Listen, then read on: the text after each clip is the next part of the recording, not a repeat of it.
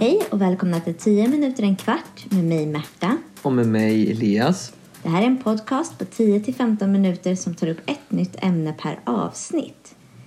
Idag ska vi prata om en dag som jag verkligen tycker är värd att uppmärksamma. Nämligen våffeldagen. Mm, är det idag? Nej, ja, eh, det beror ju på vilken dag som man lyssnar på avsnittet. Så om man lyssnar den 25 mars, då är det idag.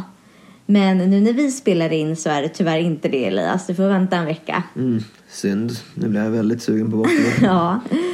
Men eh, våffeldagen har egentligen ett annat namn från början. Vet du?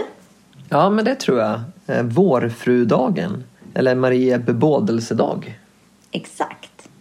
Det här är ju nämligen en kyrklig högtid från början.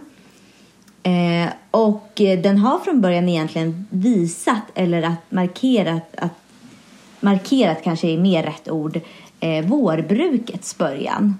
Så efter våffeldagen eller om man säger Marie bebådelsedag så börjar vårbruket och alltså våren. Eh, Men det sägs, alltså varför den heter Marie bebådelsedag kan ju vara lite intressant att veta. Det sägs nämligen att Maria, du vet Jesus mamma, just den här dagen fick en uppenbarelse att hon skulle få ett barn. Och den här uppenbarelsen var från ängeln Gabriel. Ah, alltså så rimligt ändå. För juldagen, alltså den dagen när Jesus, äh, Jesu födelsedag, det är ju den 25 december. Och det är ju nio månader efter den 25 mars.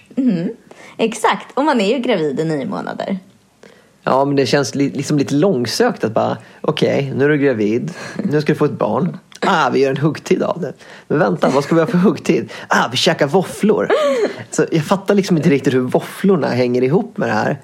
Eh, men alltså, det kanske är rätt rimligt ändå i och för sig då, att man firar att man ska få ett barn och då äter man något gott. Liksom. Ja, jag förstår absolut din tanke och den är verkligen befogad. Men det, det, och det känns ju långsökt som du säger. Men det här att det heter våffeldagen det är egentligen en språklig företeelse.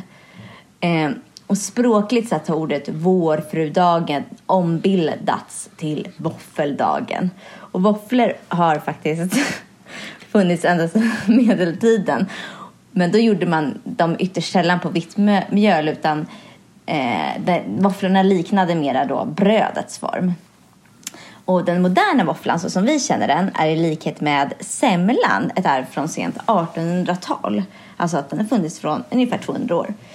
Ehm, och det här kan man ju passa på att lyssna lite mer om, om i vårt avsnitt om semlor där vi går igenom lite mer det här med eh, det vita mjölet, alltså vetemjölet som har varit verkligen en lyxvara genom historien. Ja, just det, för man har ju faktiskt vitt mjöl även i våfflor. Mm. Vitt mjöl, ägg, smör och så toppar man ofta med vispgrädde och sylt eller glass eller kanske en lite mer vuxen variant med löjrom, crème fraîche och rödlök. Eh, men de här ingredienserna som jag nämnde, vitt mjöl, ägg, smör, vispgrädde och sylt, de har liksom utgjort en väldigt, väldigt lyxvara eh, för de flesta i, i det, det som kallas det svenska bondesamhället. Mm, alltså det låter så gott. Verkligen. Men ordet våffla är ju en så kallad homonym. En homonym, det är väl ett ord som stavas och uttalas lika men som har olika betydelse. Exakt så. Våffla kan man ju till exempel göra med sitt hår. Om man har en våffeltång så blir det som smålockigt hela håret. Ja, det finns ju även våffla som i strut i glass.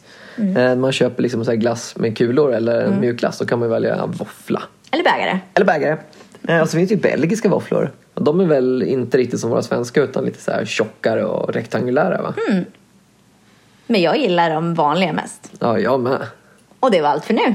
Tack! Och vi som har gjort den här fantastiska podden om våffeldagen heter Elias och Märta. Det är en podcast gjord i samarbete med vikarielärare. Till den här podcasten finns det arbetsmaterial som ni kan använda innan, under och efter ni lyssnar.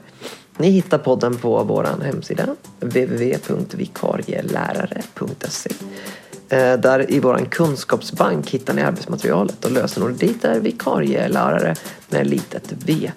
Podden finns självklart att finna i våra sociala medier. Vi finns på Facebook som vikarielärare. Gå in och gilla. Och vi finns på Instagram som vikarielärare. Gå in och följ oss där. På vår hemsida Vikarielärare finns det också en massa spännande material att hitta i Kunskapsbanken och i vår webbshop. Och på Facebook har vi Lärarnas kunskapsbank där ni kan dela med er av material och spännande diskussioner. Ha det så bra! Hej då!